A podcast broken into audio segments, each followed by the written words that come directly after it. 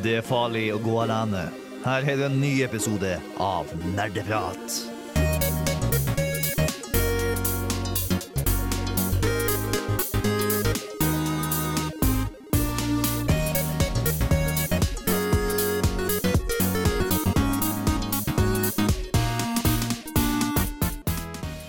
Hei og hallo, og velkommen tilbake til nok en ny episode med Nerdprat. Dette er faktisk nesten eh, offisielt det siste episoden av Nerdeprat dette semesteret her. Ikke si sånt, da. Eh, det kan hende det kommer noe mer, da. Em, kanskje. Vi får se om folk har tid. Mest sannsynlig så blir det litt mer dette semesteret. Men det er i hvert fall den siste offisielle episoden. Eh, og vi skal snakke om Resident Evil. Fordi det kommer nytt spill Ja. om en uke. Håkon, jeg har et spørsmål til deg. Ja. Hvorfor heter det også Biohazard? Eh, det kan vi Det skal dere lyttere få høre om i dag, hvorfor det også heter det. Ja. Eh, jeg er Håkon, jeg er programleder. Med meg i studio så har vi, Tor Magnus. og som dere nettopp hørte, Jeg er Bård. Bård. Eh, vi skal snakke om Resident Evil, men før det så skal vi kose oss litt. Eh, snakke om hva vi har gjort siden sist, som faktisk er en del. Um, men før det igjen så skal vi høre en låt. Vi skal høre Solo med Can't You See her på Nerdeprat. Ikke fuck med meg. Jeg har kraften til Gud og nerdepar på min side. Men hæ?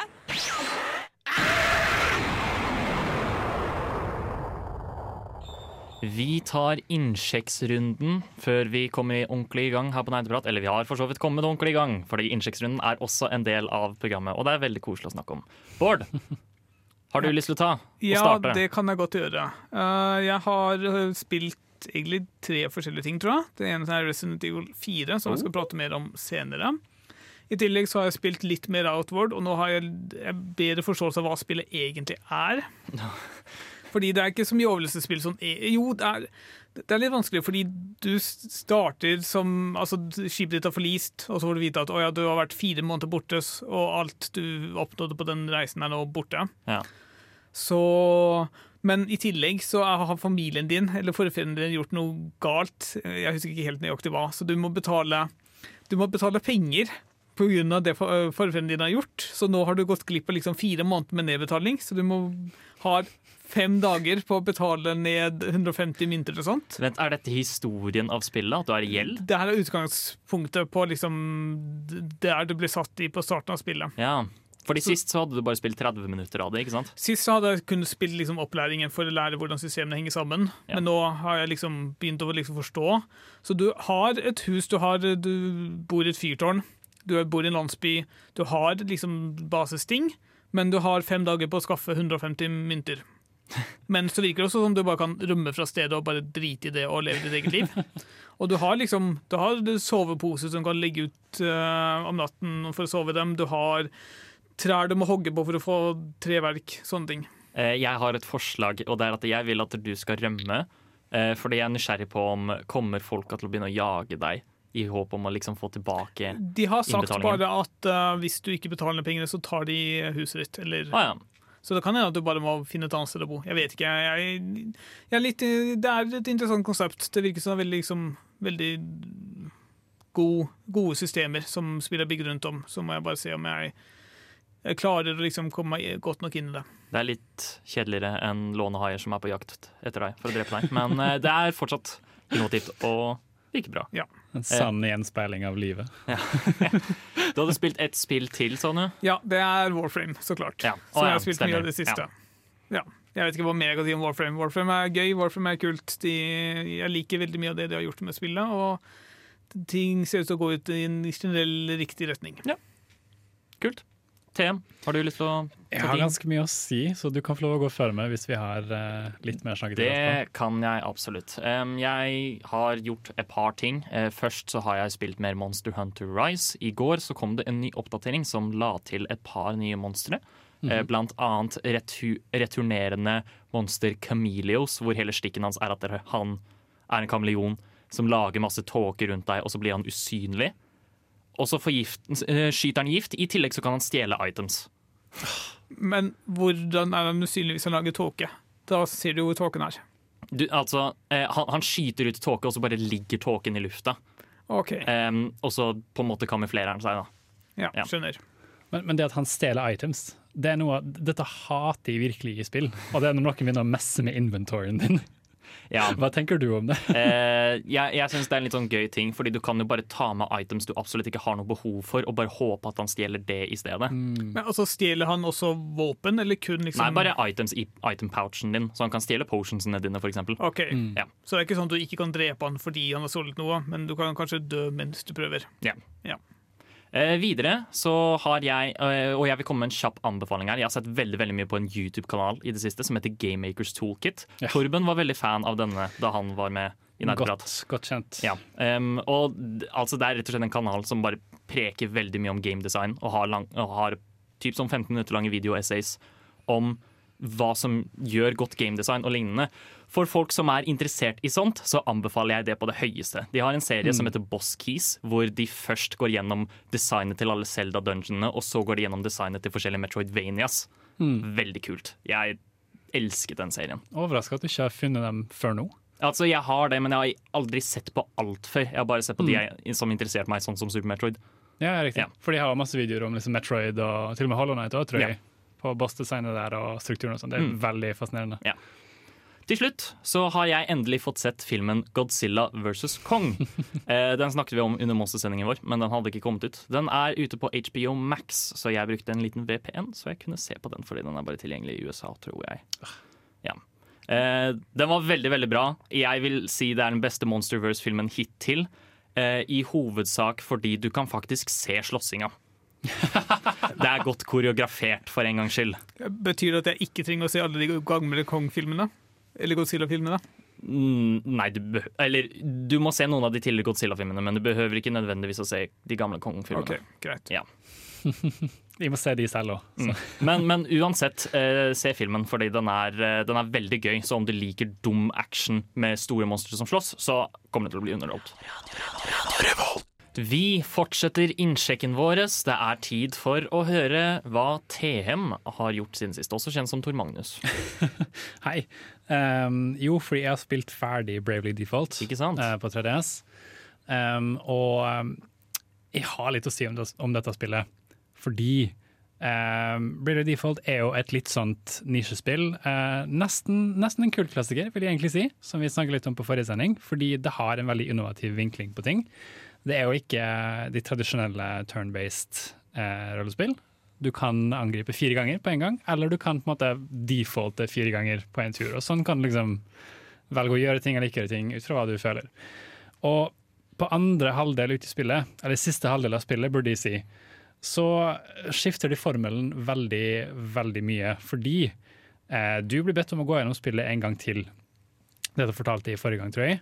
Eh, men greia er at du må gjøre dette om igjen sånn fem ganger. Det er ganske mange ganger å be noen om å spille et spill om igjen. Fordi eh, greia er at eh, mange verdener skal på en måte Ok, la oss ikke, okay nå vet jeg ikke helt hva jeg prøver å si. Det er veldig mye å ta inn over seg. Men eh, hva jeg kan si Faen, nå mista jeg helt eh, min train of thought. Er den gjennomspillingen godt forklart i plottet, eller er det bare sånn La oss dytte det på dem en gang til. Det, ja. Er det Den- filler? Det virker veldig som filler, fordi det er bare masse resirkulerte uh, det, Verden er på en måte resirkulert flere ganger. Uh, og jeg var liksom lett level 99 da jeg fullførte spillet, ah. for å si det sånn. Um, men greia er at faen, jeg hadde så mye jeg skulle si, men nå har jeg bare glemt alt. Hva er problemet mitt? Dette er ikke gøy. Um, fordi det Default for poeng for å være veldig innovativ. Det, det er veldig innovativt, Ja. måten de har på en måte resirkulert verdenen på. Eh, fordi greia er at eh, det er en fe som prøver å gjenopplive sin eh, onde mester, og det er en sånn fe som er typ eh, sånn som Navi, så du forventer ikke at hun liksom er ond. Hun bare er der, hun hjelper deg, hun er veldig snill, veldig hyggelig, men hun har veldig onde planer. Oh. Eh, og greia er at Faen, jeg får helt Alzheimer nå. Hva er det som skjer? Sorry, gutta. Jeg vet ikke helt hva som skjer med meg i dag. Det går helt fint. Eh, Men Du kan jo starte med liksom si hva Det det er åpenbart veldig delt om spillet, men definitivt. har du noe, noe positivt og negativt du har lyst til å trekke fram utover gjenspillheten? Fordi det jeg ikke likte med spillet, var måten de eh, fikk spilleren til å gå gjennom verdenen igjen og igjen og igjen. Og igjen. Og dette, er, dette var veldig frustrerende, egentlig, fordi verdenene har veldig veldig små variasjoner. Det er de samme bossene, det er de samme byene, det er de samme stedene. Um, og det gjør, det, det gjør gjennomspillinga igjen veldig kjedelig. Og liksom, OK, jeg har vært her før, jeg kan gå gjennom det raskere, men det er samme greia. Mm. Eh, så hadde de på en måte gjort det annerledes med å kanskje fylle inn litt mer content, så hadde det vært mer spennende. Eh, Hadde spillet vært bedre om de kutta det til første gjennomspilling? Ja, kanskje. Eh, det som var veldig, veldig sært, er jo at det er veldig meta, dette spillet her.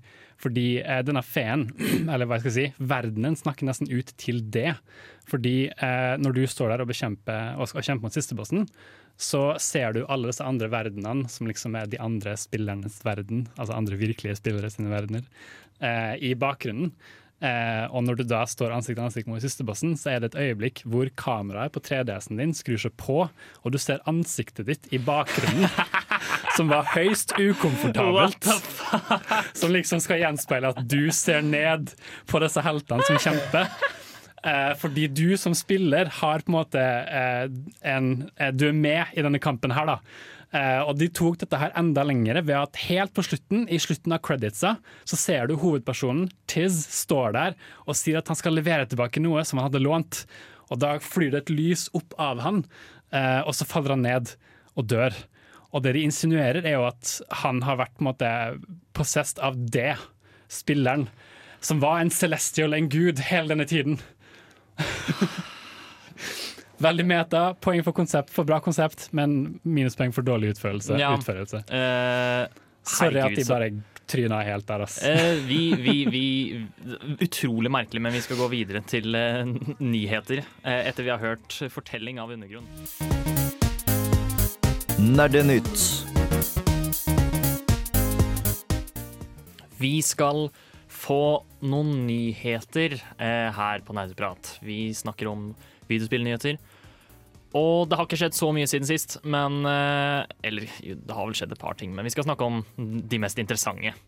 Det første som kan være verdt å nevne, er at Pokémon Snap kommer i morgen, og anmeldelsene har begynt å komme. Ikke sant, Bård? Uh, ja, det stemmer. Uh, jeg har en oppsummering av anmeldelsene her. Og i f eh, på Metacritic og OpenCritic så er gjennomsnittsscoren eh, 80 av 100. Ja. Som vil si 8 av 10. Åtte av ti.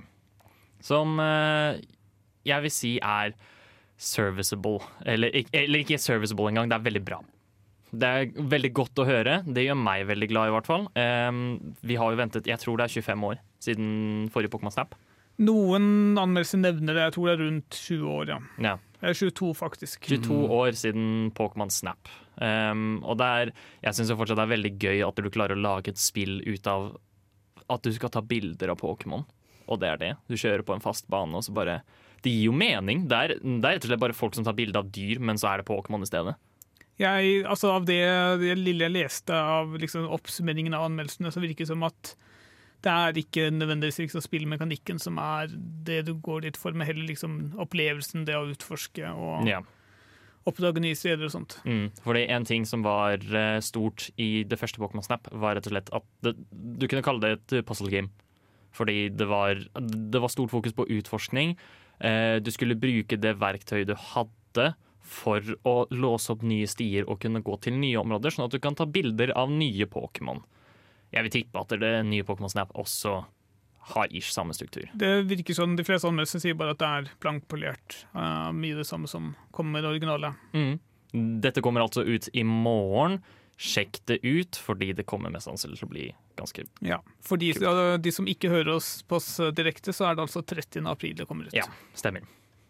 Har vi noen andre nyheter vi kan ta opp? Ja, det har vi. Eh, Det var en, nylig en eh, undersøkelse som ble eh, delt ut, hvor eh, 44% av utviklerne sier at de har hatt spillet sitt forsinket av covid-19.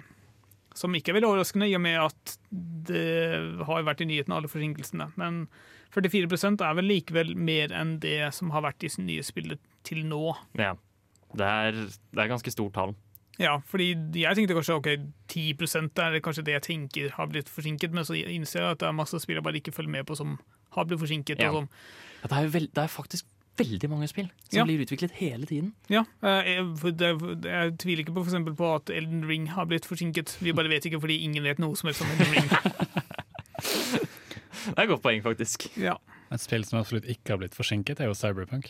Jeg skulle ønske at det ble forsinket. Det Kunne det skylde på pandemien? Jeg mener ja. Ja, Ja. fordi de hadde jo minst et halvt år uh, Altså hele fra de, de, Den opprinnelige tiden de skulle lansere, var vel på starten av pandemien, og så ble det forsinket til uti pandemien. Mm. Så det vil jo tyde på at, altså, at den ekstra tiden de prøvde å gi spillet, var også preget av pandemien, som gjorde at de kanskje ikke fikk fikset nok. Ja. Og som gjorde at det kanskje, som er også kanskje en grunn til at det ble forsinket enda mer underveis. Jeg tror de sikter til at de skulle ønske de tok seg mer tid. Jeg tror alle skulle ønske seg det. ja. Men eh, det er i hvert fall Det er et veldig stort tall, og det er jo Mm. leit. Ja, det er det. si det det. Har vi en kjapp, kort nyhet? Ja, en liten gladnyhet uh, for de som bryr seg om penger og tall og sjefer og sånne ting. Eh, Activision Blizzard sin leder, eh, Bobby Kotick, eh, kutter lønnen sin og bonusen med 50% OK. Så de som er litt lei av eh, ledere som eh, tjener altfor mye penger på å gjøre altfor lite, kan nå godt se med at han gjør iallfall ikke det like mye nå lenger. Så ja.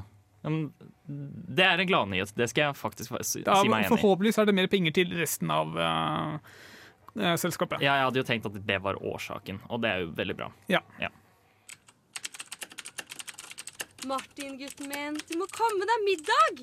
Å, mamma! Jeg kan ikke sette på pause nå! Jeg er midt i en heftig episode av Nerdeprat!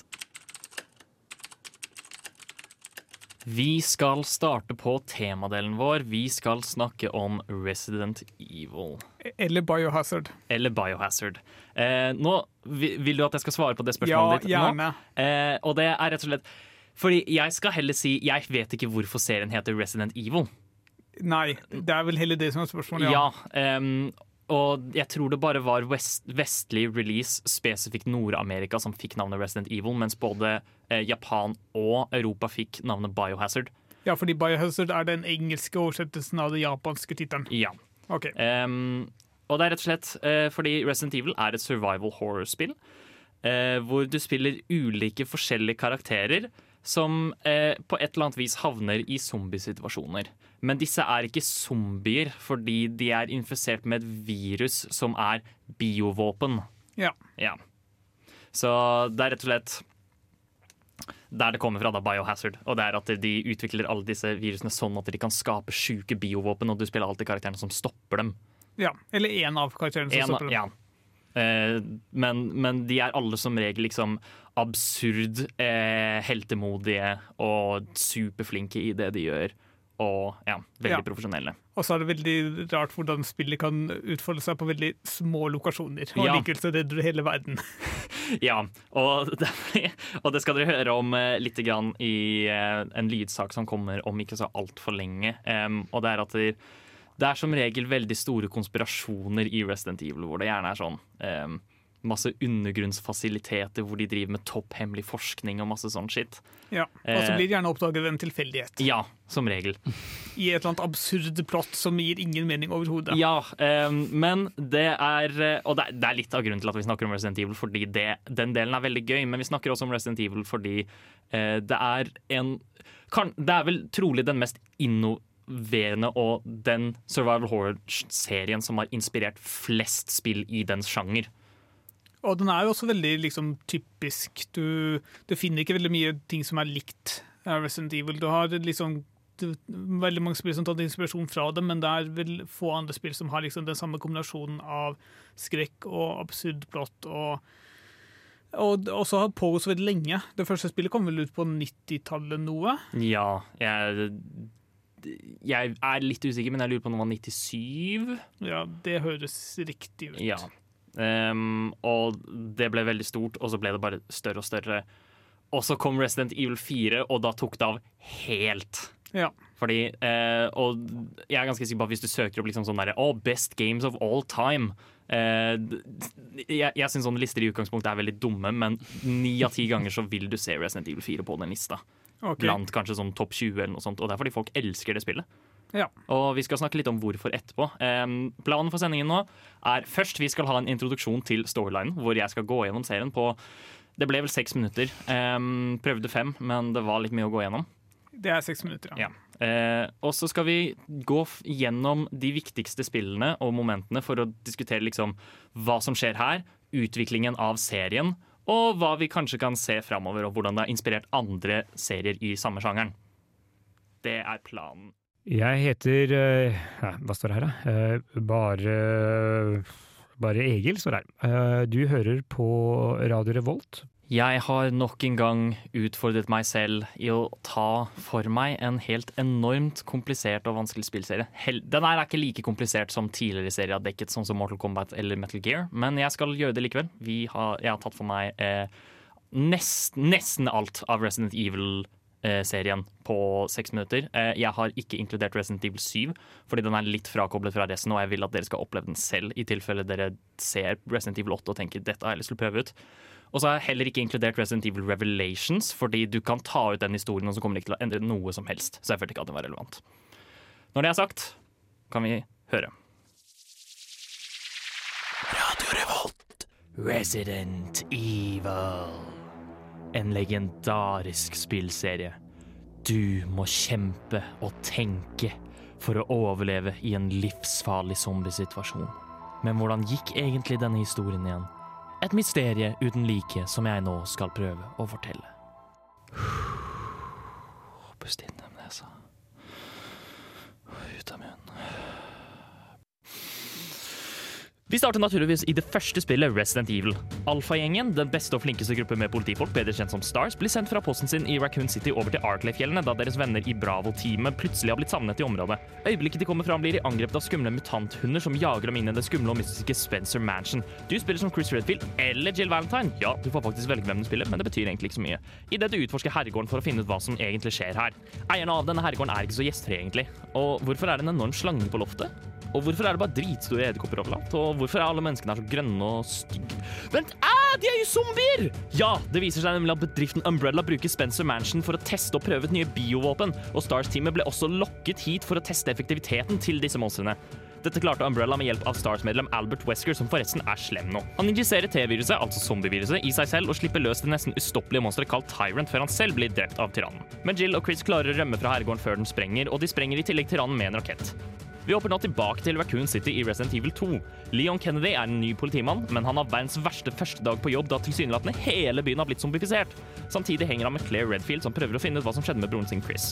De blir bestevenner selv om de nettopp har møttes og egentlig aldri ser hverandre da de utforsker politistasjonen hver for seg, men de kjemper i alle fall for å overleve. Underveis finner vi ut at Umbrella også hadde forskningsfasilitet under byen her også. Denne gangen var det forsker William Birkin som hadde utviklet et nytt type virus kalt G-viruset. Umbrella, som de kapitalistjævlene de er, prøver å stjele viruset fra Birkin, men dette gjør at han injiserer det i seg selv og blir et grotesk monster som prøver å drepe alt han ser. Jo Leon blir forresten også kjent med den fagre og mystiske Ada Wong, som later som hun er på lag med Leon, men egentlig er en dobbeltagent som bare vil ha tak i G-viruset. Hun får det, men dør tilsynelatende da hun faller i et stort hull. Leon og Ellie Claire stopper Birkin og rømmer Raccoon City før hele byen sprenger. Nå skal vi over til motsatt side av Raccoon City Resident Evil 3, for samtidig som hendelsen av Resident Evil 2 skjer, blir Jill Valentine jaget av en tyrann som kalles Nemesis. Umbrella nemlig benyttet seg av muligheten til å teste sine nyeste tyranner for å utrydde alle mulige trusler, hvor Nemesis får i oppgave av å utslette alle som var i Arklay-fjellene under Resident Evil 1.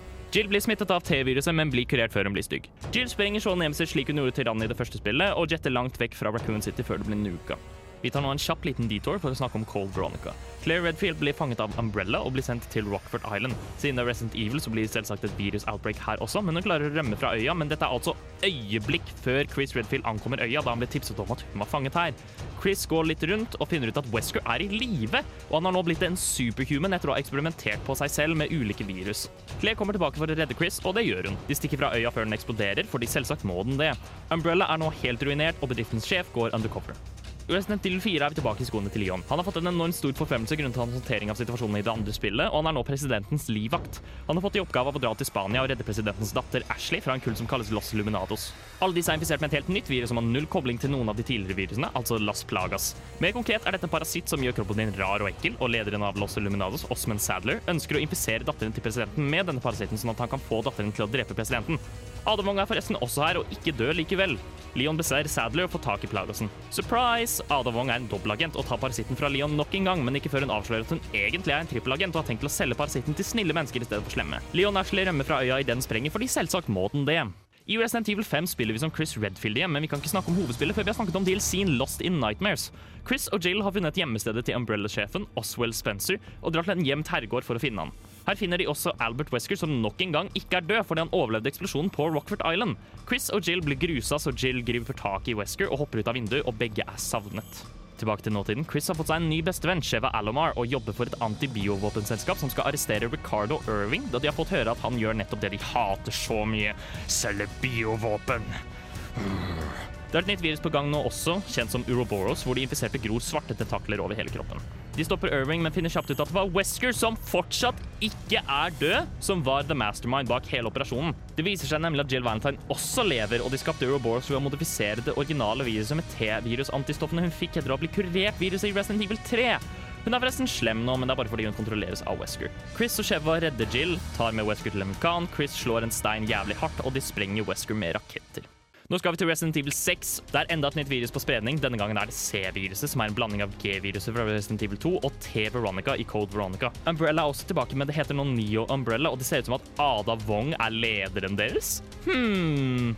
Presidenten er lei og sier at nok er nok, og har planer om å fortelle alle om virusutbruddet i Raccoon City og at zombier eksisterer. Det liker ikke Neo Umbrella, så de slipper løs viruset i Det hvite hus også, og presidenten blir zombifisert, så Leon må skyte av. Ada Wong bare er der og sier til Leon at presidentens rådgiver Derek Simmons var bak angrepet, og Leon drar til Kina for å drepe han. Chris Redfield er forresten også med til Kina fordi han vil ha hevn på Ada Wong etter hun drepte hele squaden hans, for dette har tydeligvis skjedd i mellomtiden. Til slutt blir vi kjent med en helt ny karakter med navn Jake Moller, som har C-virusantistoffer i kroppen sin, og han drar også til Kina av en eller annen grunn. Ja, han er forresten også Wesker sin sønn, det er derfor han er viktig. Chris forteller Jake at han drepte Wesker. Han blir pissed, og deretter chill om det. Leon dreper Simmons, og den ekte Ada Wong kommer frem og konfronterer den falske, fordi den Ada Wong som var leder av Neo Umbrella, hun heter egentlig Carla og er en identisk klone skapt av Simmons, rett og slett fordi Simmons er en jævla simp og aldri kom seg over henne etter han ble avvist. Ada blaster Carla, og de lager en kur for C-viruset. Og det er altså hele storylinen fram til Resident Evil 7. Yikes. Der fikk dere en oppsummering av alt som har skjedd fra Resident Evil 1 til 6. Hva tenker dere? Altså, det er jo kanskje lurt å si fra når det er et virus som bryter løs, tenker jeg. Men eh, her er tydeligvis ikke det en populær ting å gjøre. Eh, nei, men det er jo rett og slett fordi eh, de overhodene da tenker at det er ikke så lurt å avsløre til eh, befolkningen at det eksisterer zombier. At det er en ekte ting som dere bør være redd for. Og at det er mye bedre å holde det i skjul. Altså, De gjør jo det i Resident Evil 2 og 3 ved å bare nuke Ra Raccoon City. De sprenger hele byen, og så bare er det sånn Ja, vi får ikke containa det, la oss bare wipe det. Men hvor mange utbrudd var det de dekka over? Totalt? Um, Er det syv utbrudd? altså, det er syv forskjellige virus, tror jeg. Ja. Uh, det er fordi du har OK. For å forklare enda litt mer, da, som jeg glemte å nevne, så, så har du ett virus som alle virusene er basert på. Det kalles progenitor-viruset. Eh, hvor de lager T-viruset, som er viruset de ser i Resident Evil 1. G-viruset, som er i Resident Evil 2. Og så har du eh, Las Plaga, som bare ikke er relatert til noen av det. Um, Ikke det første, ikke det basis... Jeg tror ikke det. Um, Las Plaga ser du kun i Resident Evil 4, og så ser du det aldri igjen. Okay. Uh, samme med Uroboros, bare at det her har de um, modifisert det originale progenitor-viruset med T-virus-antistoffer for å skape et helt nytt virus igjen, som du heller aldri ser igjen etter Resident Evil 5.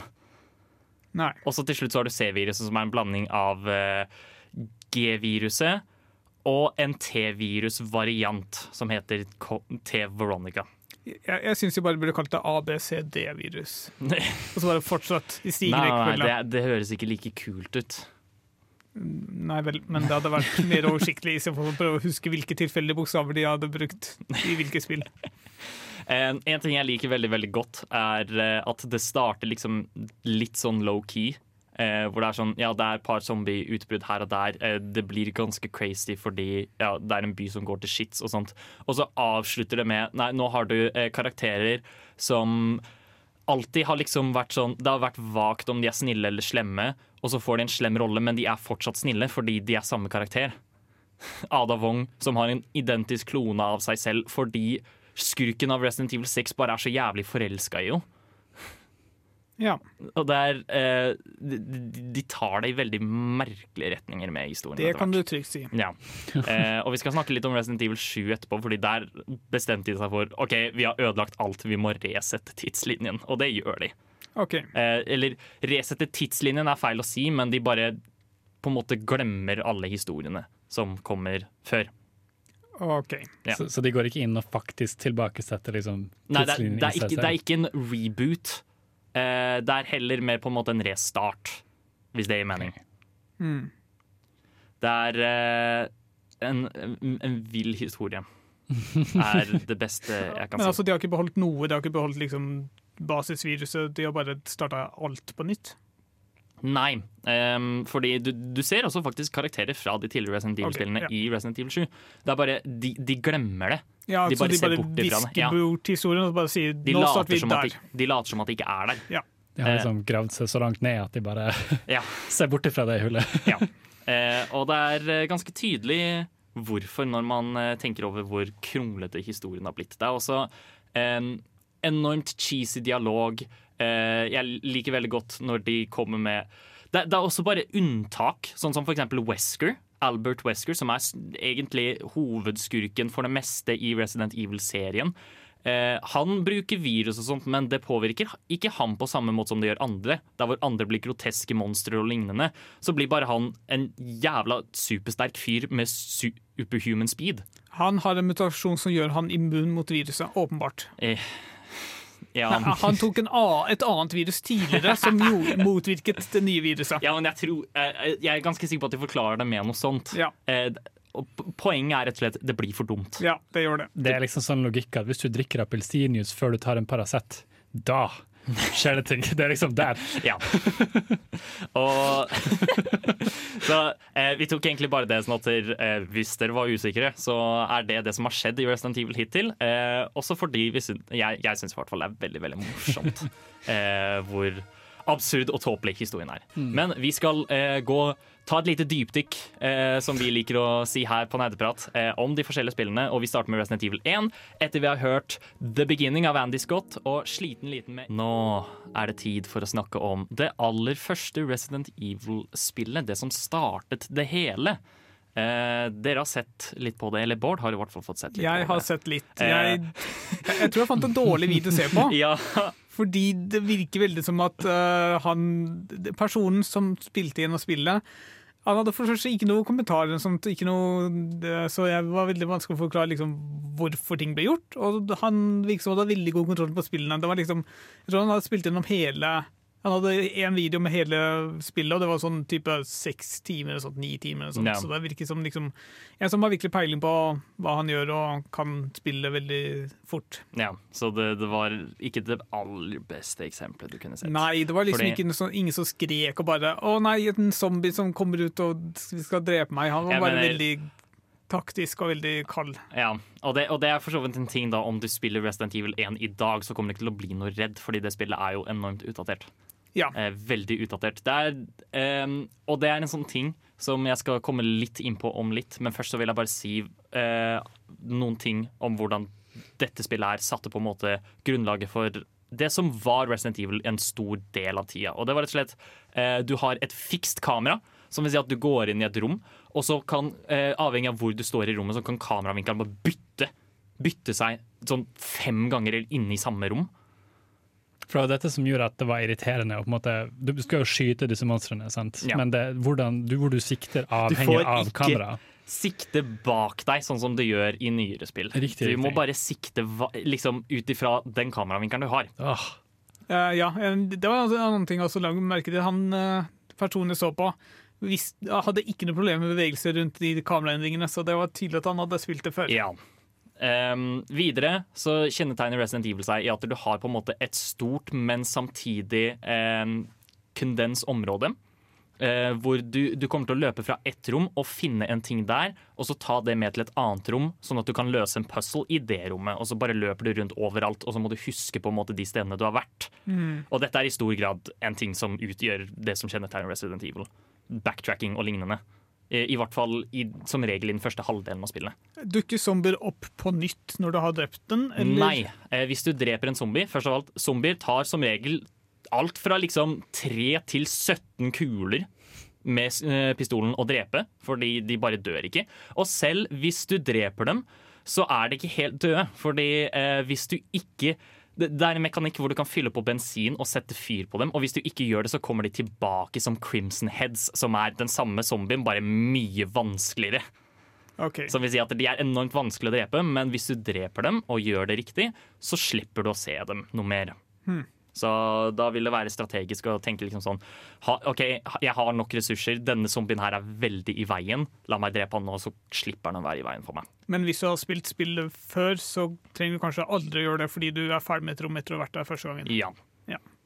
Men um, for å komme tilbake til det punktet jeg tenkte på, um, som var eh, at eh, spillet er kanskje ikke skummelt nå til dags for det den var skummel før for. Den er skummel for helt andre ting nå, og det er rett og slett uh, de ekstremt clunky controlsa til spillet. Uh, fiks, den fiksa kameravinkelen er ett punkt av det. Eh, du har det som kalles tank controls, som vil si at du kan ikke snu deg og gå framover samtidig.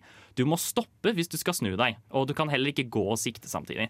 Når du, når du blander dette med enormt trange korridorer og små rom, så bare får hele spillet en ekstremt klaustrofobisk følelse til seg. Og det, er, så, så, så her, og, det er, og det har blitt til det punktet hvor det er veldig mange som tenker at de gjorde dette med vilje. At de lagde game, spillet så clunky og sånt som de kunne med vilje. Som, et, en, som en teknikk. Det er noe med det at når du må liksom kjempe mot eh, redskapene du har i et farlig miljø, så blir jo det enda verre. Altså det, det å være i et miljø sånn som i Amnesia, hvor du ikke liksom har noe å kjempe tilbake med, er jo vanskelig nok. Men her så har du for så vidt noe å kjempe med. Ja. Det er bare vanskelig å bruke det. Ja. Så da får du liksom panikk i måten du liksom ikke klarer helt å kontrollere det sjøl. Ja, du, du, du føler ikke du har kontroll over situasjonen. Em, og det er kjempegøy, fordi det er det som gjør spillet skummelt. Om du spiller gjennom det også, så er det bare fullt av ekstremt cheesy og teit dialog. Som bare, du, du klarer ikke å ta noen av karakterene seriøst. Um, hvis du spiller Jill Valentine, uh, det er jo også en ting, du kan spille enten Chris Redfield eller Jill Valentine, og så får du forskjellige på en måte, steder du går ut fra det. Hvis du spiller Jill Valentine, så møter du av og til en karakter, jeg tror han heter Brad. Og han, han har sånne dumme linjer av og til, som for eksempel typ Å, du er i et rom hvor taket kommer nedover mot gulvet, og så er han sånn derre Å, det der var jævlig nære på. Du ble jo nesten en Jill sandwich. Som Ja. bare tar ut all stemningen fra spillet. Og, og for å ikke nevne Jeg, jeg kom også på én ting til, som er at um, en, sånne veldig vanlige ting som man tenker på eh, skal være til stede i et eh, spill, sånn som bare å kunne save og sånt, er redusert til at du trenger items. Du trenger et ink ribbon for å kunne save spillet. Som vil si at du, Hvis du har brukt opp alle, da, så kan du ikke lagre mer. Inntil du får et nytt ink. Det er gøy. Ja. Jeg så på Resident Evil 1 og 2 på YouTube, og et av spillene, jeg husker ikke hvilket, hadde utrolig virkelighetsnære videoer og karakterer. Type sånn, Det nesten så ut som var skuespill i Det er nok Resident Evil 2, tror jeg. Ja. Hva- hva- Gjorde de det bevisst, eller har de faktisk skuespillere i starten? I liksom åpningsvideoen? Eller Eh, har de bare veldig godt uh, karakterdesign? det, det skal jeg ærlig si, jeg er ikke helt sikker på det. Nei, OK. Vi kan prøve å finne svaret eh, mens eh, vi hører en liten låt. Eh, vi skal høre Brockhampton med Buscut, og deretter skal vi snakke om Resident Evil 4. Vi fant dessverre ikke svaret på det vi skulle prøve å finne ut av. Nei, jeg tror jeg så på en annen video i går enn det Ja. jeg gjorde i dag. Men vi skal gå videre uansett. Vi skal snakke om Resident Evil 4, som jo er det aller største av Resident Evil-spillene. Og har, er en stor inspirasjon for veldig mange Triple A-games, og egentlig bare spill generelt, fordi den, den rett og slett fant opp eh, den moderne tredjepersons skytespillvinkelen som er bak over skuldra. Å ja, det Ja. visste jeg ikke. Det var det første spillet som gjorde den type vinkelen. Er det dette spillet som Leon er med i? Ja, Leon Kennedy. Right. Um, og du drar til Spania, og du skyter folk og prøver å redde presidentens datter. Mm. Ja. Bård, du hadde spilt litt av det. Har du lyst til å snakke om Ja. hvordan det var? Ja, jeg var litt overrasket da du sa at spillet lå på eh, beste spillistene, fordi OK, jeg mener ikke det er verdens verste spill, men jeg, jeg sier det nå for å være kontroversiell, fordi det er ikke bra overhodet. Det er så ille. Jeg vet ikke om du, du- husker kanskje, Håkon, at jeg sendte melding til bare Kontrollen fungerer ikke. Kontrollen Ja. er forferdelig. Jeg spilte da med mus og tastatur. Det, så vi bytta til kontroller, prøvde, ga det et nytt forsøk. Jeg kom ikke den timen inn som du anbefalte meg å komme inn. Jeg, jeg, kom, jeg kom til landsbyen med masse zombier, og da ga jeg opp. OK, hvordan da? Hvor, hvordan jeg ga opp? Ja, Hvorfor- hvor- hvorfor ga du opp? Var det, var, det, var det virkelig så ille? Ja. eh, for det første, historien gir ingen mening. Du, er, du, er, du, får beskjed om at det er Spania, men det ser ikke ut som Spania. Eh, den amerikanske presidentens datter har blitt kidnappet og ført dit. Hvor, hvordan i all verden skjedde det? Eh, det? Det blir forklart, men i comicsa, tror jeg. Ja, men hvordan blir den En av verdens mest beskyttede personer blir kidnappa og tatt ut av Nei, landet? hun, Er hun ble kidnappet mens hun var på universitet, okay. fordi hun er student. Samme noe. det. Ja. Du kan ikke uh, gå til siden mens du går framover, altså strafing på engelsk. Du må rotere kameraet med enten da A og D eller spaken din. Du kan ikke bevege deg mens du sikter for å skyte. Eneste nærkampvåpenet du har, selv om de du dreper har en øks, så kan du, har du kun en kniv. Den har kortere rekkevidde enn alle øksene du skal kjempe mot. Eh, hver gang du kommer til en objekt, f.eks. en dør, for å prøve å komme deg ut, så fryser spillet mens du leser dialog. Denne døren ser ut til å være låst. Og så bare oh, ja, ja. starter spillet på nytt igjen. Eh, kommunikasjonsformen Det er en walkietalkie som du holder opp til øret, og likevel så får du, ser du på skjermen en videosamtale mellom to personer. Når det er åpenbart at personen holder opp til Ja, opp til øret. Eh, la meg se. Eh, hva mer? Um, det var kanskje det mest uh, frustrerende. Jo, uh, musikken. Det kommer en spesifikk musikk hver eneste gang det er en fiende i nærheten, og ja. den stopper umiddelbart når fienden er død, så det er veldig åpenbart om det er en fiende i nærheten eller ikke. De går sakte, men sikkert mot deg, med øksen hevet og sånt. Og den øksen, som jeg sa, når når, de, de, du, dreper dem, så kan ikke du plukke opp øksen og bruke dem mot noen andre som har bedre rekkevidde enn den jævla kniven din. Nei, nei. Den ligger på bakken og bare er ubrukelig. Er, ja, jeg, jeg kom ikke lenger til den landsbyen, fordi jeg visste ikke hvordan jeg skulle angripe landsbyen engang. Det var masse zombier, og jeg bare Ja. OK, la meg begynne å skyte. Nei, det fungerer ikke. Og så bare, nei, vet du hva, jeg, tiden min er verdt mer enn dette her. Jeg gidder ikke. Der starter jo for øvrig litt av frustrasjonen fordi Resident Evil eh, grenser litt over til en helt ny sjanger. Og det er rett og slett at eh, det viker vekk fra survival horror-aspektet som 1, 2 og 3 hadde, og går mer over til action. Det innebærer også at den pumper inn veldig mange flere zombier på åstedet. Det aller første området i spillet har en fiende med en motorsag som kan one-hit-kille deg. Og det oversettes ikke så veldig bra med litt clunky controls, um, men jeg mener igjen at det bidrar til opplevelsen. Og Nei. i tillegg eh, så er i hvert fall tank controlsa i Resident Evil 4 langt mye bedre enn de er i noen andre av Resident Evil-spillene. Jeg vet ikke når jeg kan spille noen andre spill. I tillegg, eh, det kan hende at du ikke fikk med deg det, men eh, jeg mener at de fleste av problemene som innebærer dette, kommer av eh, quick turn. Og det er rett og slett at du holder spaken din bak, og så trykker du av, og så snur Leon seg umiddelbart. Ja, det er en ting. Ja. Eh, og, det, og det gjør mye av shortcomingsa til tank controlsa, mener jeg. Nei. Jo, det syns jeg. Men, altså, det kan godt hende at du ikke syns det, men uh, de fleste syns det. Altså, Kontrollen er liksom prikken over i-en i hva som gjør spillet uholdbart for meg å spille. Det verste var liksom det at du fordi jeg, jeg er vant med moderne spill hvor jeg kan, kan for eksempel liksom gå sakte tilbake mens jeg sikter inn på folk, eller gå framover. Altså kunne, i hvert fall kunne bevege meg mens jeg sikter inn på folk, og ha en sjanse til å skade dem i nærkamp. Det, her, det hadde jeg omtrent ikke her. Det var liksom en Kanskje jeg klarte å treffe dem på én av mellom fem og ti sjanser. Før de traff meg med en eller annen øks som hadde mye bedre rekkevidde enn meg. Eller en jævla sånn høygaffel som de bare løper mot løper mot meg med. Ja. ehm, det er eh, interessant at du snakker om det. Og det er, eh, det er faktisk litt sånn smålig counterplay til det av og til òg. Og det er det beste tipset for meg til dere der ute som skal starte å spille Resident Evil 4. Ikke gjør det. Skyt dem i kneskålene, fordi da faller dem. Og da kan du bare slå dem med kniv etterpå. Og det er trikset. Eh, eventuelt også så gir spillet deg veldig mye ammo. Eh, du får en shotgun ganske tidlig, tror jeg. De, de ga deg mye ammo. Ja.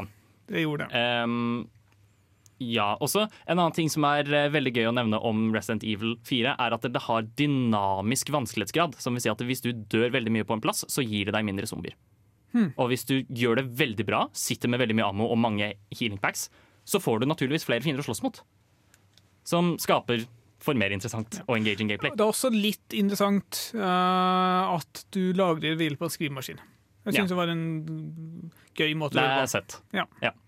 Ehm, så det er litt uenigheter da, om hvorvidt Resident Evil 4 er et bra spill her. Men det er likevel, man skal likevel anerkjenne dets legacy som et av de spillene som har inspirert flest spill nå i dag. Ja. Jeg tror at hvis du liksom klarer å sette deg inn i kontrollen og faktisk liksom spille den på dekk og da, sånn at det ikke er så for mye eh, variasjon fra liksom nå til dags, så går det kanskje greiere. Ja, nettopp. Radida til bardaga. Ja, ra ra radida. Ja, til bardaga. Nerdeprat på Radio Revolt! Ja. Nå eh, skal vi gå over Vi skal vippe helt fokus, vi. Vi hadde en liten sånn mellomting eh, i Resident Evil 4.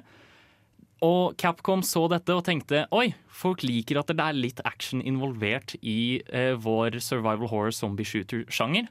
Eh, la oss eh, legge litt mer fokus på det, og så får du spillene Resident Evil 5 og 6, som bare er eh, Resident Evil 5 er helt OK, men Resident Evil 6 er en katastrofe. Um, de har nå blitt til dumme Hollywood-blockbusters med svære eksplosjoner og dritstore monstre overalt. Ja. Ja, Hvordan er plottet? Um, altså ja, Jeg gikk jo gjennom det, men, Men- men, jeg skal ta det en gang til.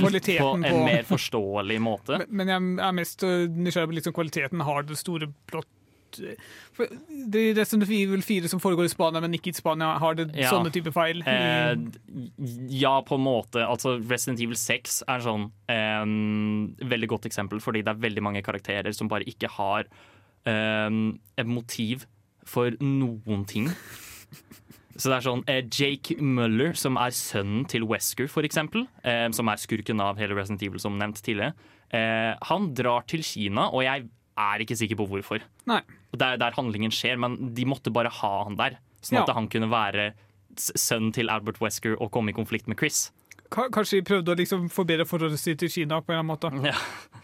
Men eh, poenget da er at der, eh, de, de, de, de gir litt eh, faen i historien. Eller de gjør egentlig ikke det, de prøver altfor hardt med historien, og det gjør at den blir en katastrofe. Ja. Eh, og så er det ikke lenger stort fokus på klaustrofobisk eh, survival horror-opplegg.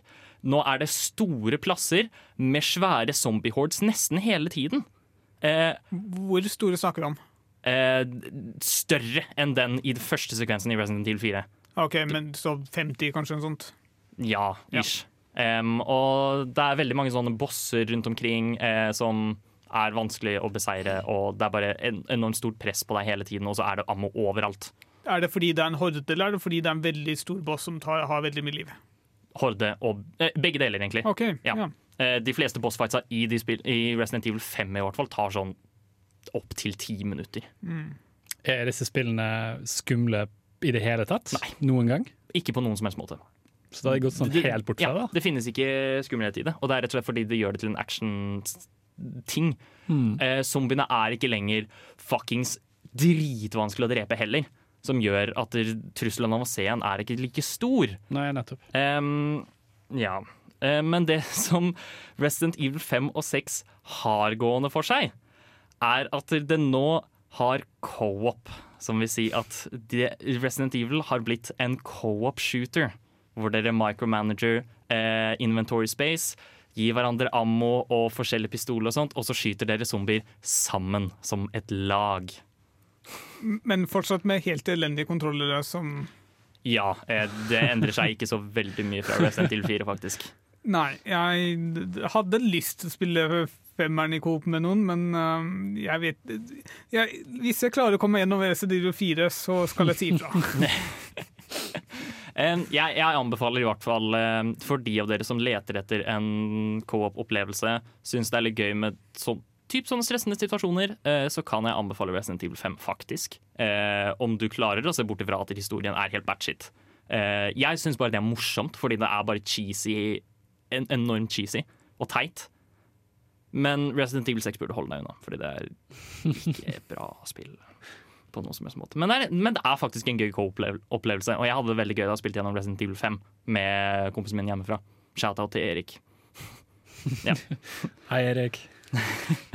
um, dette var altså sånn eh, retningen gikk for Resident Evil en stund. Eh, Capcom så dette og var sånn Shit, we got to go back. Det her var ikke et godt valg. Vi må anerkjenne hva Resident Evil faktisk er. En survival horror som med fokus på skrekk og klaustrofobi og lignende. Og derfor kom de med Resident Evil 7, som er spillet vi skal snakke om nå. OK, hør. Bare, bare, bare hør nå, OK? Anna, Anna. Bare hør på nerdeprat. Veldig vakkert. Og det er også spillet vi skal snakke om nå. Vi skal snakke om Resident Evil 7. Og det kom vel ut eh, Det var også første spillet med den nye tidslinjen. Ikke, altså, det er jo ikke en ny tidslinje. En det, uh, altså Ja. de har gått tilbake for å lage den på nytt. Ja, lage den samme tidslinjen på nytt. Ja.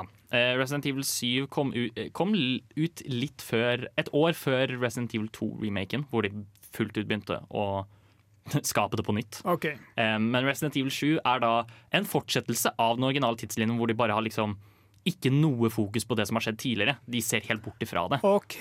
Ja. Um, så dette er noe helt nytt, men samtidig en retur til form. Er det beste jeg kan beskrive det som. Okay. Um, og det er slett fordi I dette spillet så spiller du karakteren Ethan Winters. Han får en med, mm, video av kona si som bare eh, veldig gråtkvalt sier eh, hvis, du hvis du er på leting etter meg, bare hold deg unna. Og så, får, og så får han liksom hint om at han er i en eller annen herregård i eh, Louisiana, eller hvor det var. Er det en G-bokstav eller sånt på videoen? Eller en C eller en T eller en Nei. Nei. Nei, det er ikke noe sånt. Nei, OK. Du går inn, og så møter du kona di, som eh, sager av deg hånda i løpet av de første 30 minuttene i spillet. Honey? um, og det er fordi hun er gal, da. Og så, og så blir du banket av en uh, gamlemann med briller. Og så våkner du opp til Baker-familien, som er på en måte hovedantagonisten av dette spillet. Det er rett og slett en gal redneck-familie som eh, er enormt vanskelig å drepe. Og de bare terroriserer deg idet du prøver å finne en vei ut av dette huset. En vill lørdagskveld. Kan man ikke bare bli i huset og ikke finne en vei ut? Uh, hvis du har lyst til å spise ekle insekter og innvoller resten av livet ditt, Ja. så kan du gjerne det. Det høres bedre ut enn alternativet. Uh, mest sannsynlig så blir du også bare til en slags eh, zombieting. Den, den her, dette spillet er også enda et nytt virus um, som gjør uh, de som blir infisert til det som kalles the molded, hvor de ser veldig sånn mugne ut. Mm. Men den største endringen i dette spillet er at det er førsteperson. Men eh, det føles likevel ut som et tradisjonelt Resident Evil-spill. Det eneste som er endret, er bare vinkelen du ser fra. Eh, fordi det har fortsatt core gameplay av det originale Resident Evil. At du har et hovedhus med masse forskjellige rom, men det er ikke så stort heller. Hvor du finner en ting i ett rom, du går tilbake til et annet rom og bruker den der, sånn at du får en ny ting og bruker det der, osv. Så, videre. så det har på en måte gått fullt tilbake. Men det har samtidig en helt ny gameplay-mekanikk, som bare er at Ta faren i denne familien, Jack. I hovedhuset da, Spillet deles i flere områder og flere hus. Og i hovedhuset så har du Jack, og du kan bare møte på han i gangene. Og du kan ikke drepe han. Så da må Mm. du bare løpe. Og det, og det er megaskummelt med tanke på hvor trange disse gangene er, og hvor, ja, hvor lite rom du har for å på en måte manøvrere deg.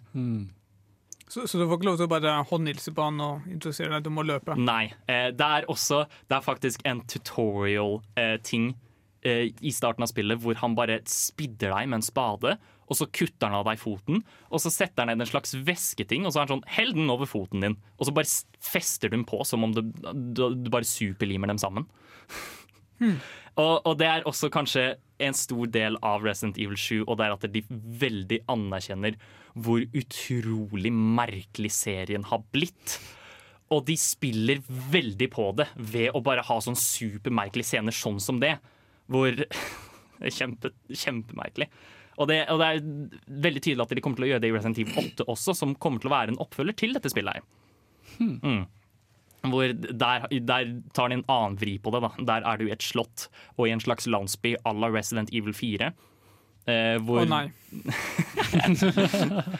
um, det, det, det skal åpenbart fortsatt være mer fokus på survival horror enn action, fordi det er retningen de har gått nå. Ja. Men eh, istedenfor Redneck Baker-familien, så har du da eh, disse svære vampyrdamene som går rundt. Og de, og de vet hvem du er, og de vil ha deg av en eller annen grunn.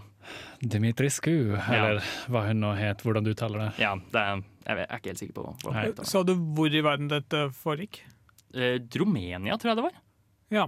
Så det er ikke Spania, det er ikke det samme sted, men det har veldig mange av de samme symbolene som du kan finne i landsbyen i Resident Evil 4. Fordi i landsbyen Resident Evil 4 hadde hørt mer hjemme i Romania enn i Spania. Rett og slett fordi altså, når jeg spilte igjen det, så tenkte jeg bare dette her minner liksom sånn type de bildene og klippene jeg har sett fra Serbia. Ja. Altså mer sånn østeuropeisk skog enn Spania. Mm, ja, ja, nettopp. Em, ja. for, å, for å oppsummere mine tanker om Resident Evil 7. eh, det er den beste, en av de beste survival horror-opplevelsene. En av de beste skrekkopplevelsene jeg har hatt på veldig lenge. Kan du hoppe rett inn i det og ignorere alle de dårlige spillene? Ja, det kan du. Ja. Eh, og det er rett og slett, som jeg nevnte, den glemmer veldig mye av alt det andre. Den er ekstremt frakoblet fra de andre. Det eneste er at det er noen karakterer som har vært med i de tidligere spillene, som kommer tilbake igjen her. Men det går jo fint. Ja, de har ikke så mye å si. Eh, så, men du trenger ikke noen ordentlig kjennskap til hva de har gjort og lignende. Nei, da, da blir det heller en overraskelse, overraskelse hvis du spiller de forrige Ja. etterpå. Mm. Mm, veldig respekt for det valget. Ja. Eh, så det er veldig kult. Eh, men nå skal vi snakke om eh, det jeg mener er den ultimate Resident Evil-opplevelsen. Altså Resident Evil 2 og Mr. X, etter vi har hørt Musti med Mimi. Du lytter til Nerdeprat fra Radio Revolt. You're listening to Nerd Talk from Radio Revolt. Vi har tatt det i litt sånn kronologisk rekkefølge fram til nå. Og det, og det er for så vidt kronologisk, men samtidig ikke med denne siste her. Men jeg har spart det beste til slutt, som er Resident Evil 2-remaken. Dette er en eh, remake av Resident Evil 2, s- s- åpenbart. Um, bare uten alle de irriterende kameravinklene som er i det spillet. Og ingen tank controls. Det er det første ordentlige, tradisjonelle Resident Evil-spillet som har null tank controls i seg. Som er sjukt. Ja, vent, da, hva med syveren? Syveren er jo førsteperson, men det, har, det er ikke tank controls der heller. Nei, men det er såpass annerledes i design. Uh, det er jo førsteperson. Så Jo, men jeg tror for eksempel uh, Golden Eye hadde tank controls. Selv om det var første person. ja. Men, her kan man faktisk bevege seg rundt, litt sånn mer fritt, litt mer naturlig. ja. OK, det er veldig befriende. Ja, definitivt. eh, og spesifikt eh, grunnen til at jeg har lyst til å snakke om eh, Resident Evil 2 Først av alt, jeg syns politistasjonen, som er det du utforsker eh, omtrent halvparten av spillet, eh, er veldig godt designet for det meste. Eh, bra, bra kart hvor det som vanlig Resident Evil Gameplay går et sted, finner en ting, går et annet sted, bruker tingen der. Eh, sånn type ting. Men de kaster også en annen interessant ting inn i miksen, som er Mr. X. Mr. X er en svær fyr i frakk, og han bare vandrer rundt på politistasjonen. Hvorfor? Eh, du får ikke vite det i spillet, men det er en Husker du i oppsummeringen min da jeg sa at Nemesis ble sendt for å utslette alle Stars-medlemmene som var i fjellene i Resident Evil 1?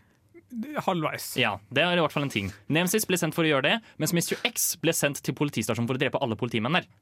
Hvorfor? Fordi de er i nærheten av eh, forskningsfasilitetet, og de vil ikke at, skal, at de skal på en måte avsløre noe som helst. Men hvorfor blir ikke hele byen utsletta?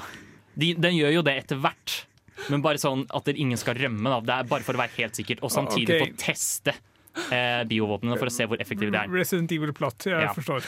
But why? Men poenget da er eh, Mr. X dukker opp på et tidspunkt i spillet, og da bare roamer han politistasjonen overalt, og du kan møte på han hvor som helst. Ja, for dette var jo det samme med han fyren i Var det seks? Syveren var det. Eh, Eh, Denne rednecken som gikk rundt ja. omkring. Og jeg elsker dette konseptet i spill, hvor du har et moment som du ikke kan forholde deg til. Ja. Som bare er etter det. Og det er så, et så sterkt virkemiddel i skrekkspill. Eh, hvor liksom, du vet aldri hvor det er, og så er det der. Shit, du må tilpasse det. Mm. Eh, Kan du låse han inn i en fengselscelle? Nei, det kan okay. ikke. Um, det er gøy at du sier det, faktisk. Det er en scene hvor du aktiverer en fengselscelle for å låse opp én fyr. Um, eller for å få én ting i en fengselscelle, og da slipper du løs alle sumpene. Og da er det sånn Oi, jeg må gå denne ene veien, og så kommer selvsagt Mr. X den veien. Sånn at du bare har ingen veier å gå fordi du er omringet av han og masse, masse zombier. Men eh, for å komme med et eksempel, da. Eh, Mr. X kommer rundt akkurat den tiden når du klarer å løse en uh, puzzle som er på biblioteket. Som rett og slett at, innebærer at du skal flytte på bokhyller. uh, sånn at du kan lage en sti fordi det er en vei over som er ødelagt. Og du skal bruke bokhyllene for å lage den stien. Uh, og da blir det sånn, Hvis du vet at Mr. X er i nærheten og han kommer ned, så kan ikke du gjøre den puzzlen. Da må du komme deg vekk. Fordi han bare kommer til å banke deg, liksom. Du kan ikke drepe han heller. Du kan skyte han et par ganger, og da kan hende han faller ned på kne og blir litt stønna. Mm. Men du kan ikke drepe han. Som vil si at når du ser han, så er det eneste du kan å løpe. Kan du la være å få han til å dukke opp? Kan du bare gå rundt på politistasjonen og ikke løse noe som helst? Ja. Eh, eller nei, nei, det kan du ikke. Du må, du må komme deg videre. Men du kan faktisk komme deg gjennom hele spillet og møte han minimalt. Det er enkelte scener som er scripted, hvor du møter han uansett.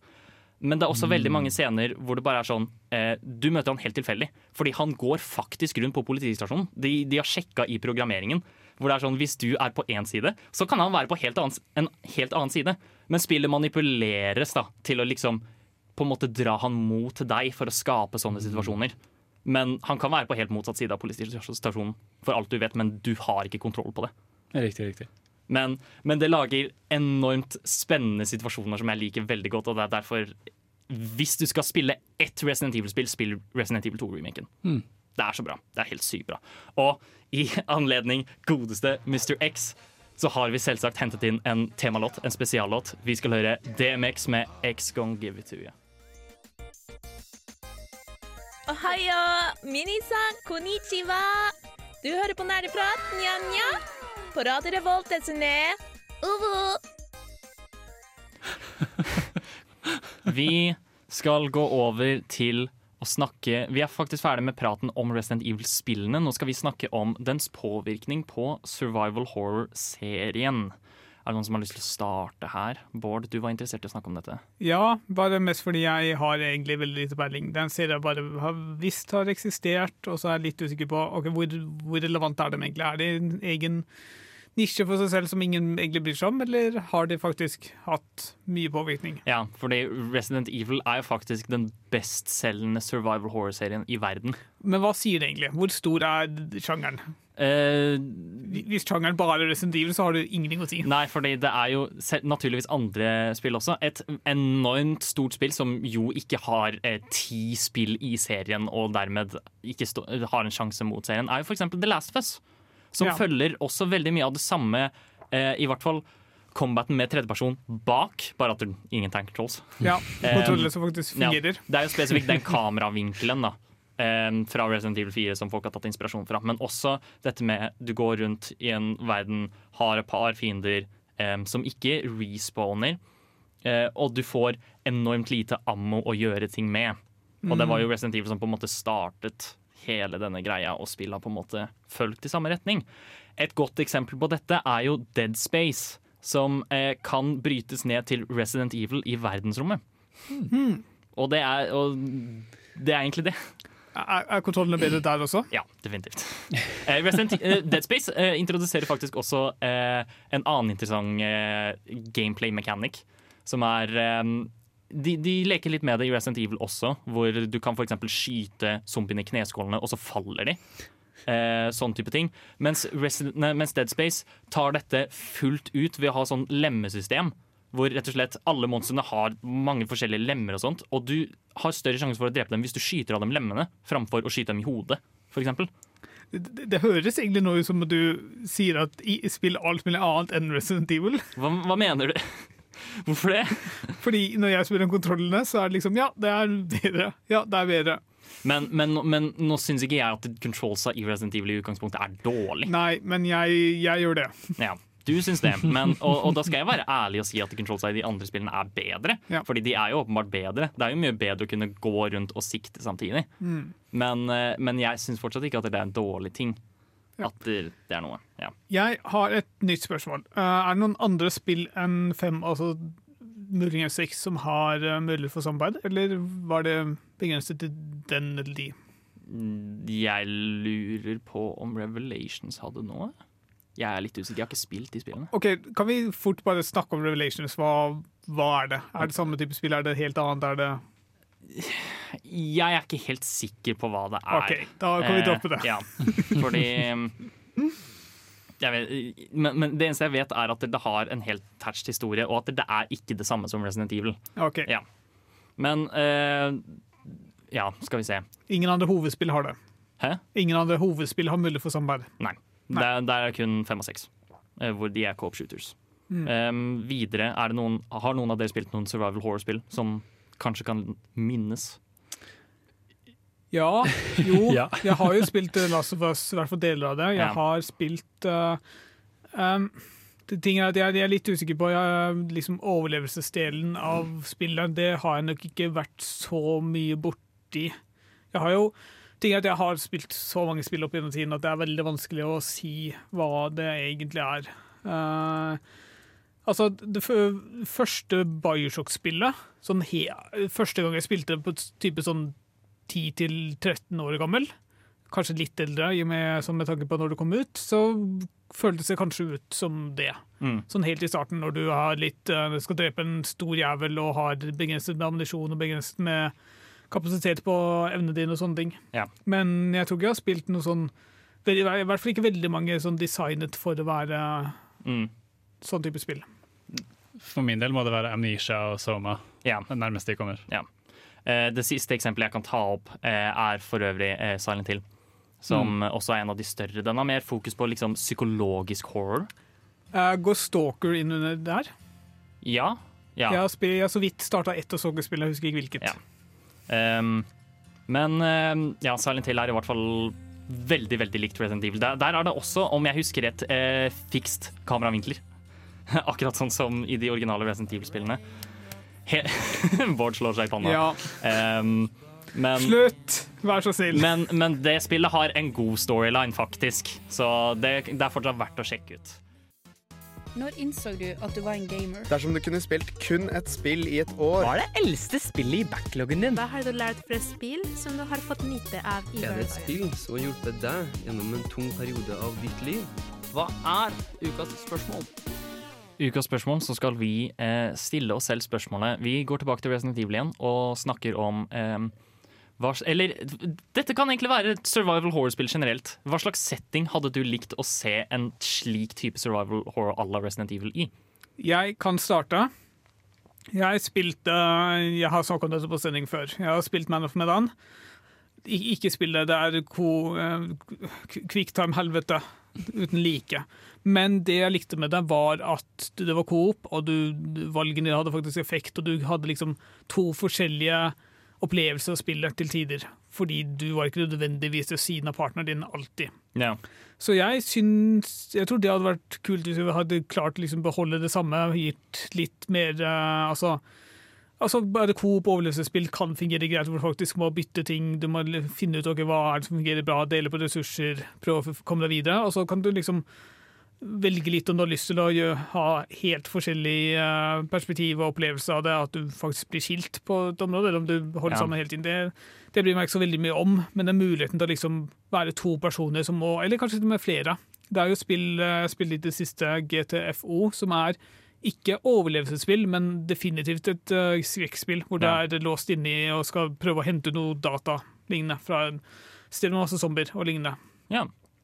Så jeg tror det er en fin setting. Altså, Samme hvor det er plassert, bare få ta med en partner eller to. Tre. Ja. Mm.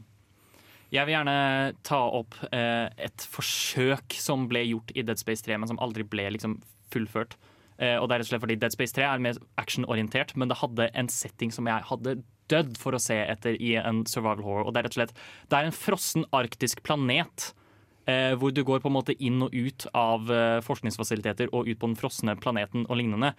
Og om noen av dere har sett John Carpenters The Thing, så skjønner dere akkurat hvor jeg skal med det her. Eh, fordi det er jo den settingen. Og jeg hadde veldig veldig elsket å sett et survival horror-spill med typ John Carpenters The Thing-aktig fiender og lignende. Necromorpha kan jo minne om dette, men de blir ikke til mennesker på samme måte. Og jeg tenker det hadde vært veldig kult. Det er jo veldig, veldig skummelt, den, eh, det konseptet du går inn på. Ja. Det er ikke uvanlig at det liksom at rommet og, alien, eh, rommet og monstre blir eh, eh, satt sammen. Ja. Eh, Se for deg at du landet på Mars, og så var det aliens der. Oh, No. Det har vært ganske kjipt. Ja. Har du et forslag til? Um, hva, hva var sånn spørsmålet sånn egentlig? Eh, liksom, hva slags eh, miljø vil du se et type survival horror-spill igjen? Er det oppe i fjellene? Er det i en landsby, sånn som Resident Evil har gjort det? Nei, det... jeg tenker det hadde vært skikkelig skummelt eh, å ha det i barnehagen. Eh, hvor kidsa egentlig var monstre som ville drepe deg. Oi. Eh, jeg vet ikke. Ja, altså folk syns jo det, Skrekkfilmer og sånt har en ting med barn som er skumle. Ja, Så hvorfor ikke bare gjøre alle barna skumle? Men det er noe med det å gjøre noe som egentlig er så ufarlig, farlig. Ja. Jeg vil pitche en kjapp ting også. Jeg vil ha spill hvor det er både farlig å være utendørs pga. giftig avfall eller noe sånt, og farlig å være innendørs pga. monstre. Sånn at du må uh, konstant balansere utsiden, innsiden, alt mulig sånt. What do you do? Ja. um, der fikk dere et par forslag fra oss. Um, jeg vil si at vi kom med et par gode forslag denne Ja. gangen. Eh, de, dere spillutviklere der ute, ta inspirasjon fra oss og gi oss ære når dere lager det endelig. Vi var nå ferdig for i dag. Vi har snakket masse om Resident Evil. Jeg har fått nerda skikkelig. Eh, og det har vært gøy. Jeg har kost meg. Eh, håper dere har lært noe nytt, og håper dere sjekker ut denne fantastiske serien. Eller spiller bedre spill. Skjerp deg. Voks opp. Eh, det her var offisielt vår siste sending for semesteret. Vi gjemmer oss i gaminghullene våre, eh, i hvert fall noen av oss, for å gjøre ferdig ting som semesteroppgaver og bachelore og lignende. Eh, så ja, vi kommer ikke til å jobbe så mye mer. Men det kan hende du ser oss eh, komme ut og tilbake i radiostudio for å snakke om hva vi har spilt dette semesteret her. Komme med en slags eh, best off, om du kan si det på den måten. Skal prøve å få til noe, kanskje. Ja.